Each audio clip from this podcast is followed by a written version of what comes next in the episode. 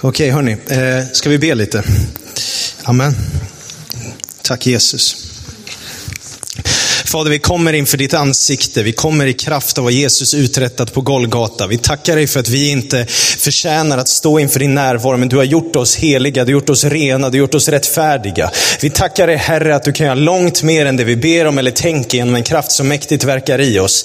Jag ber nu Herre, överträffa vår förväntan. Möt oss, tala till oss allihopa på ett personligt plan.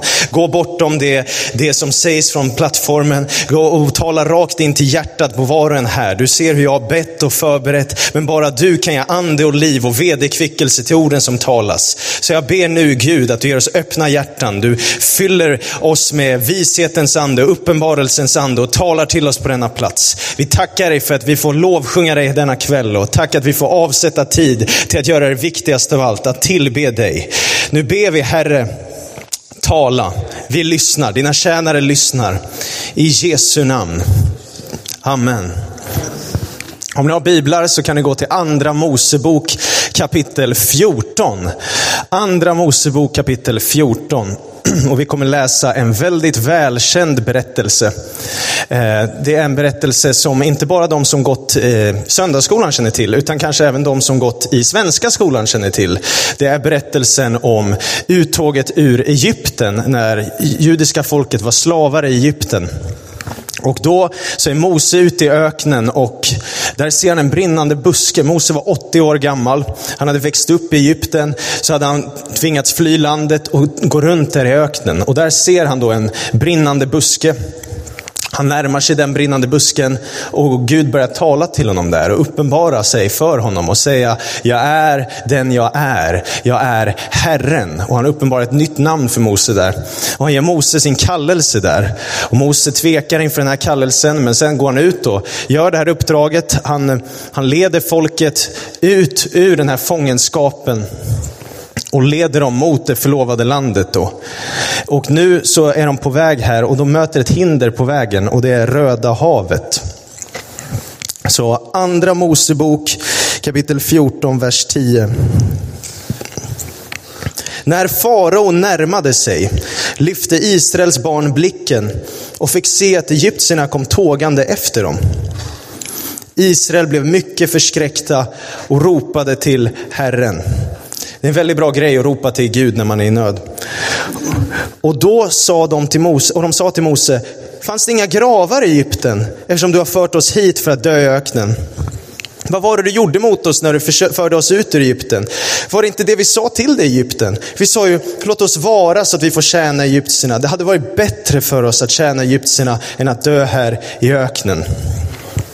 Har du varit med om det någon gång? Att du upplever hur Gud leder dig in i någonting, du tackar ja till någonting och sen ångrar du att du tackade ja till det. För att det blev värre när du tackade ja till det. Och situationen förvärrades, det du trodde skulle göra ditt liv bättre har blivit värre.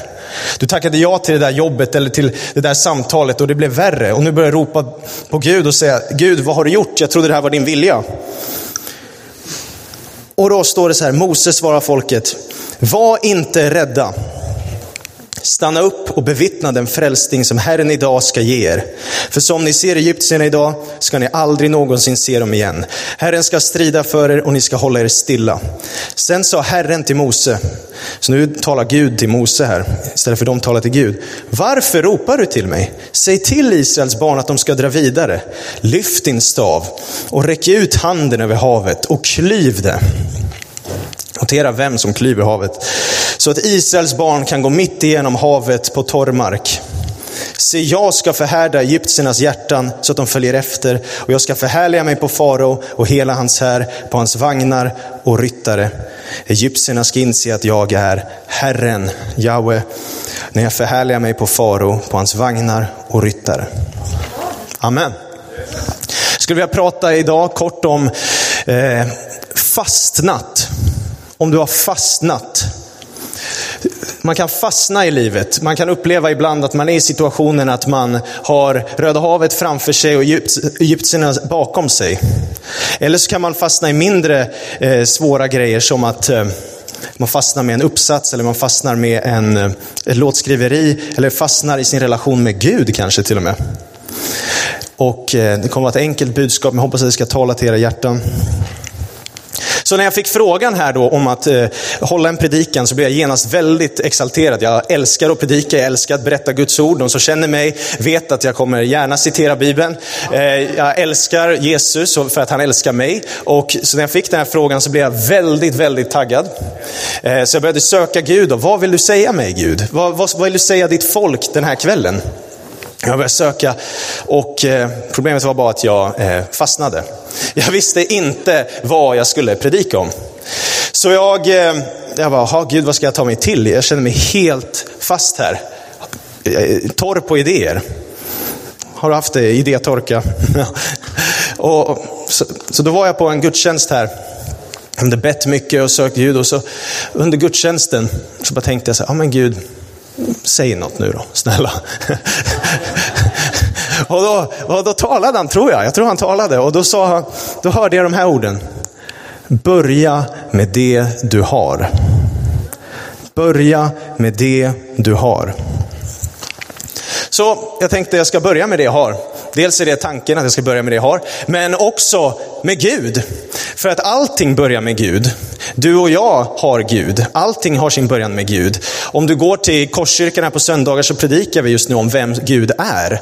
För faktum är att innan du fanns, fanns Gud. Innan stjärnorna, solen, månen fanns, fanns Gud. Innan himlen, jorden fanns, fanns Gud. Han fanns innan du tog ditt första andetag. Han fanns innan morgonstjärnorna jublade av glädje. Han fanns innan någonting annat inträffade. Gud är den första, Gud är den siste. Han är dess början och han är dess slut. Och Gud är den som upprätthåller allt allt. Och när vi talar om Gud så måste vi förstå att han är den upphovet till allting. Och Gud skulle då vilja vara min kontext här för texten vi ska ta oss an.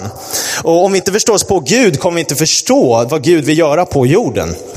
Gud är den som gav allting sitt upphov. Genom honom har allt blivit till och utan honom har ingenting blivit till som är till.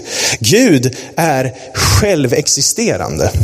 Det betyder att när, precis som när Mose gick till den här brinnande busken då, då presenterar sig Gud för honom. Och han säger, jag är den jag är. Han presenterar sig ett, med ett nytt namn. Och det namnet, som han sen säger, jag är Herren. Det innebär att Gud alltid varit. Och Gud är det enda som finns som valde sin egen existens. Du valde inte din egen existens. Ingenting på den här jorden valde sin existens. Det är bara Gud som har valt sin egen existens. Han är innan jag var. Och det här namnet väljer han att uppenbara sig för, för Moses. Han väljer att berätta för Moses här, det här är vem jag är. Eh, och det är väldigt intressant för att i, i andra Mosebok så står det i vers, eh, kapitel 6, vers 2-3. Så står det att Gud sa till Mose, jag är Herren för Abraham, Isak och Jakob visade jag mig som Gud den allsmäktige, men under mitt namn Herren gjorde jag mig inte känd för dem. Så för Mose är första gången han uppenbarar sig som Jahwe, eller Jehova, Herren, den självexisterande guden. Och det här gör han då när Mose var ute i öknen och han hade fastnat i livet också. Han, eller egentligen, så egentligen gjorde han bara det han brukar göra. Han, han tog hand om fåren. Och jag har märkt att Gud brukar tala till en också när man bara gör det man brukar göra. För plötsligt så ser han en brinnande buske. Och det här är för någon nu, att den här brinnande busken då, och Mose, han får, Mose får liksom uppmärksamhet till den här brinnande busken. Men det är ju inget märkvärdigt med brinnande buskar i en öken. Öknen är torr och det finns buskar och de brinner. Det är väldigt vanligt. Det som får Moses uppmärksamhet är att den inte brinner upp. Och när Gud vill få din uppmärksamhet många gånger så är det för att någonting, du får någonting som vägrar brinna upp. Så när Gud, när Gud gav mig den här tanken, börja med det du har. Det, det vägrade brinna upp den tanken. Den, den fortsatte, den fastnade, etsade sig fast i mig. Så jag tänkte, ja men då gör jag det. Då går jag fram till det här och utforskar det mer och ser vad Gud vill säga. Och det är så Gud många gånger talar till dig. Att han uppenbarar någonting och, och det vägrar brinna upp. Gå och utforska det så vill han säga någonting mer. Och i alla fall, varför skapade Gud världen? Varför skapade Gud världen? För sin ära. Han skapade, det står att himlarna vittnar om Guds härlighet. Det står att jorden uppenbarar hans storhet och makt och härlighet och ära i Habakuk 3. Hela jorden är till för hans ära och det folk han skapat åt sig ska förkunna hans lov. Så vi ser att hela skapelsen är till för att Gud ska få mer ära, lovprisning och tillbedjan. Det är varför vi finns till. Det är varför Gud har skapat oss. Och vi behöver förstå det här med Gud, för annars förstår jag inte varför han gör som han gör på jorden. Det är klart att vi aldrig kan förstå Gud till fullo, men det kommer hjälpa oss förstå ännu mer hans eh, gärningar här på jorden. Och då, han älskar ära så mycket. Han älskar när vi lovsjunger det. Alltså Gud älskar ära så mycket så att det var en kung i Israel, i Juda, som hette Iskia. Han ligger på dödsbädden, profeten Jesaja kommer till honom och säger så här, du kommer dö. Du kommer inte tillfriskna från din sjukdom. Då, säger, då, då börjar Hiskia gråta, fasta, gå i säcktyg och aska, be och så börjar han lovsjunga Gud. Och så börjar han be så här i Jesaja 38 säger han.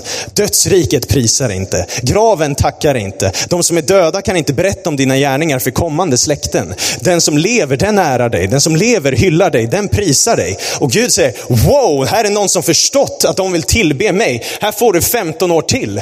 För att Gud älskar lovprisning och tillbedjan så otroligt mycket.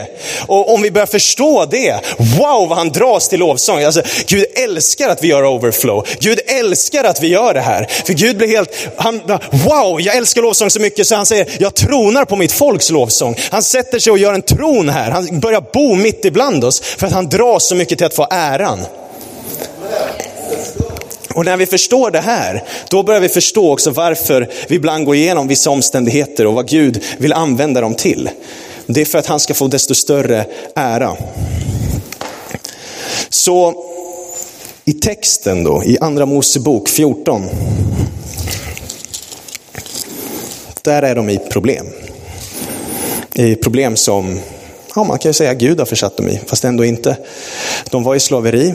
Gud ville sätta dem fria från slaveri, för han hatar slaveri. Och de börjar ledas ut. Och sen står det Röda havet där och bakom dem är egyptierna. Och de har ingen aning om vad de ska ta sig till. Det kanske är något mer banalt i ditt liv med Röda havet och egyptierna. Det kanske är, du behöver få en uppgift gjord men du, du har fastnat och bakom dig så kommer, inte egyptiska arméer, men en deadline närmar sig. Och du vet inte vad du ska ta dig till liksom, för snart slukas du upp. Det kan vara något sånt simpelt. Men Gud vill rädda dig från den situationen och han har inte tagit dig dit för att överge dig. Och han kommer göra mer för dig än vad du förväntade dig. Precis som han gjorde mer med brödundret så kommer han göra mer i den här situationen också. Han kommer inte bara göra en väg, utan han kommer förgöra fienderna också. Så, hur tar man sig ut när man fastnat då? Bara tre enkla punkter här till dig om du upplever att du fastnat i din uppgift Gud gett dig. Eller bara någon grej, du kanske skriver en uppsats och du fastnat i den. Eller att du har fastnat på riktigt liksom i livet. Du vet inte vad du ska göra i din kallelse och allting. Det första de gjorde, första punkten är be. Om du fastnat, be. Eh, Israeliterna de bad till Gud, Mose bad till Gud. Gång på gång i Bibeln så går man först till Gud. Liksom sök först Guds rikens rättfärdighet, får du allt det andra också. När brödundret Caroline pratade om, då var det lärjungar som gick till Jesus först innan det undret kunde äga rum. Det börjar alltid med att man går till Gud. Så steg ett är alltid att be. Men sen kommer det här då jag vill skicka med oss för kvällen. Och det är, använd det du har. För när Mose träffade Gud i öknen där, vid den brinnande busken. Då börjar Mose komma på alla möjliga ursäkter varför han inte klarar av att göra jobbet. Eh, han säger nej, jag kan inte prata, jag, jag är för gammal, jag är usel. Alltså, han, man kan hitta på alla möjliga lögner man kan hitta på i sitt eget huvud varför man inte klarar av det Gud har kallat en till.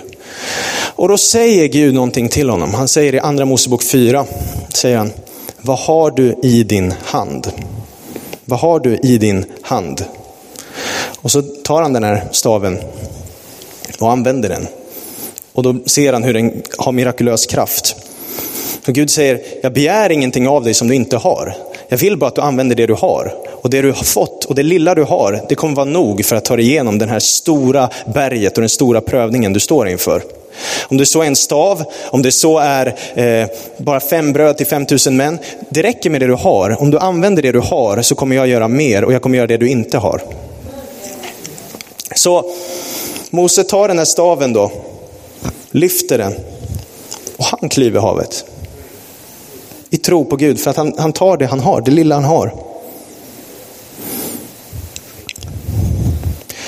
Och miraklet kommer inte ske för att klockan rör på sig.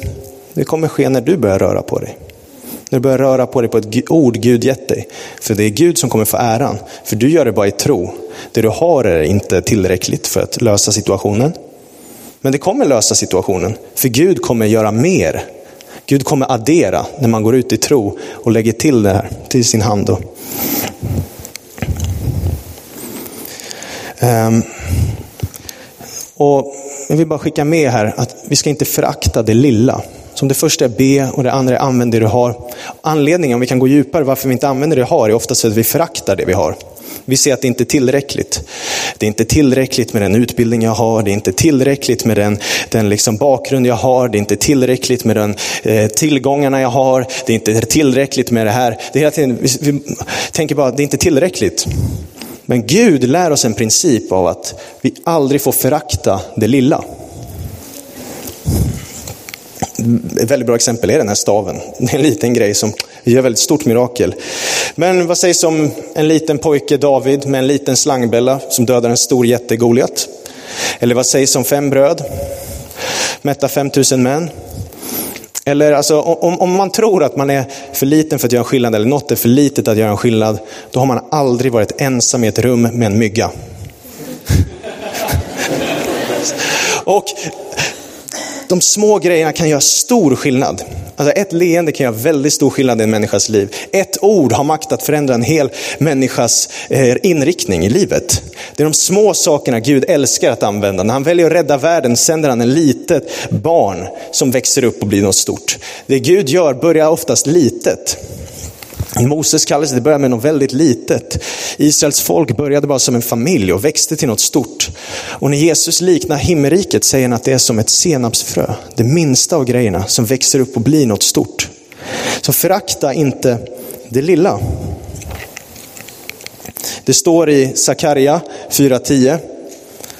Borde komma upp, men det står Förakta inte den ringa begynnelsens dag. Se inte ner på det lilla du har. För Gud glädjer sig över det lilla du har. Det lilla du har som du tror inte är någonting, det är något i Guds ögon. Och om än din början är ringa ska du till sist bli mycket stor, säger Jobb 8.7. Så det börjar med något litet och det växer till något stort. Det är så det funkar i Guds rike. Och en liten stav kan bli en stor väg. Ehm, så jag skulle vilja avsluta här med, med, med, med en bild och skicka med oss. Och om David, om du tar upp den. Där. Vad är det där? Det ser ut som en liten apostrof. Det är som en, det är som en bara liten fluglort liksom. Det, vad är det där för något ens? Ja, det där är hebreiska bokstaven jod. I hebreiskan finns det 22 bokstäver. Och det där är en av bokstäverna, det är bokstav nummer 10 som uttalas då J eller I. Och den här bokstaven är den minsta av alla bokstäver. Det är den minsta. Um, men den har en väldigt intressant egenskap och det är om vi tar nästa slide här. Ehm, så Jesus pratar om den här bokstaven i Nya Testamentet. Han säger att jag har inte kommit för att upphäva lagen eller profeterna. Jag har inte kommit för att upphäva utan för att uppfylla. Jag säger er sanningen, innan himmel och jord förgår ska inte en enda bokstav. Då pratar han om en, en jod. Den här bokstaven jag precis visade. Inte en prick i lagen förgå, inte förrän allt har skett. För, för lagen är skriven på hebreiska. Och då refererar han till den här. Så han säger att varenda sån här liten prick i hela Bibeln är där med avsiktlig design. Den finns där av en anledning. Den finns där med ett syfte. Alla de här små grejerna är där av en mening. Alla små grejer i ditt liv finns där av en anledning. Och då tar vi nästa här. Och nu kommer fyra hebreiska ord här. Och den första det blir djupklass här, halleluja. Det första där, man läser hebreiska från höger till vänster. Det första som står där är Yahweh. Om du, om du tar nästa slide här. så ser vi att alla de här orden, Guds namn, Jahwe, börjar med ett jod. Guds Messias, Guds frälsare Jesus börjar med ett jod, Jeshua. Guds stad, Jerusalem, börjar med jod. Och Guds land, Israel, börjar med jod. Alltså de största, heligaste orden i hebreiskan börjar med det minsta av alla bokstäver. För att Gud vill lära oss att de största sakerna uppstår från de minsta sakerna. Att du aldrig får förakta den lilla början. Att du aldrig får förakta det som är så litet och kan bli något stort och ha impact. Och om du är fast liksom i någonting, i en situation och inte vet hur du ska göra, använd bara det lilla du har, för det kommer bli något stort av det. Men det finns en grej till jag inte berättade här om hebreiskan. Och det är, vi tar lite kurs här sent på torsdagskvällen, halleluja, vi kör, let's go. Nästa slide. Det är att bokstäver i hebreiska har ett betydelsevärde också. Det är inte bara att varje bokstav varje bokstav eh, har liksom som vi säger ett fonetiskt värde, så att J uttalas J och P uttalas P och så vidare. Utan det är också att varje bokstav historiskt sett är kopplat till en symbol. Så den första bokstaven i hebreiskan, Alef, som är alfabet, Alef, var från början en oxe eller ett huvud. Den andra bokstaven i hebreiskan, David, var ett ett bett då, och det var från början ett hus. Det där symboliserar ett tält, ett hus. Och om man slår ihop de här alef, bet, alltså alfabet, då får man ordet, nästa slide, där, ab. Alltså ett huvud och ett tält. Huvudet över tältet, huvudet över huset. Och det där bildar ordet fader, pappa. För pappan är huvudet över huset i Bibeln. Så hebreiskan är väldigt djup och varje ord och varje bokstav finns där av en avsiktlig design för att lära oss någonting om Guds natur. Så i det här fallet då, Alef betyder far, eller, eller säga, det betyder oxe eller ledare eller huvud. Och Bet betyder tält. Så du slår ihop de två, då får du fader, pappa. Då när vi har, har det här jodden då, vad betyder jod? Jod, vad har det för betydelsevärde från början? från början en hand. För det börjar med vad du har i din hand. Det börjar alltid, det är Guds verk på jorden, börjar alltid med vad du har i din hand. Det lilla du har i din hand, det är det som kommer göra vägen i ditt liv. Det är det som kommer ta dig vidare framåt i Guds rike. Det är det som kommer bereda vägen för dig. Gud vill använda det du har i din hand. Förakta inte det lilla du har i din hand. Se inte ner på det du har. Använd det du har och det kommer bli något stort. Och jag började den här predikan med att vara fast och jag började med vad jag hade och det tog mig ända hit. Så är det. Så jag vill skicka med oss här ikväll bara, Använd det du har. Ta det du har i din hand och använd det. Det kommer bereda en väg för dig. Och det kommer göra, liksom, om du sitter fast i din kreativa process och skriver en låt, ja men guess what, börja med det du har bara. Använd det du har, även om det är dåligt. Mose, han hade dålig tunga, han kunde inte prata ordentligt, han hade säkert en gammal stav. En gammal stav dög lika bra liksom. Ta det du har, för Gud vill använda det. Um, så om du är här idag och du upplever att du sitter fast eller att du, du, du, har sett ner på det lilla, liksom, så be Gud att bara belysa för dig. Vad har jag missat i mitt liv som jag har, som jag borde använda och inte använt? Om du sitter fast i en relation med Gud och känner, jag vet inte hur jag ska gå vidare, jag hör inte Guds röst längre, jag vet inte hur han talar, jag vet ingenting. Liksom. Kanske bara ta det du har då. Ja, jag hör inte hans röst, men vad har jag för något? Ja, men jag har det här och det här och det här och bara bruka det, så kommer Gud föra dig vidare ut i processen. Och med det sagt så ska vi använda våra händer nu och tillbe Herren och vi ska prisa honom och vi ska använda det vi har, våra röster. Och vi ska tacka honom för vad vi har. Att vi har hälsa om vi har det. Vi ska tacka honom för att vi har en bostad om vi har det och så vidare. Och vi kan bara tacka Gud idag för vad vi har. Och så kommer, om vi använder det kommer han ge oss det vi inte har. Amen.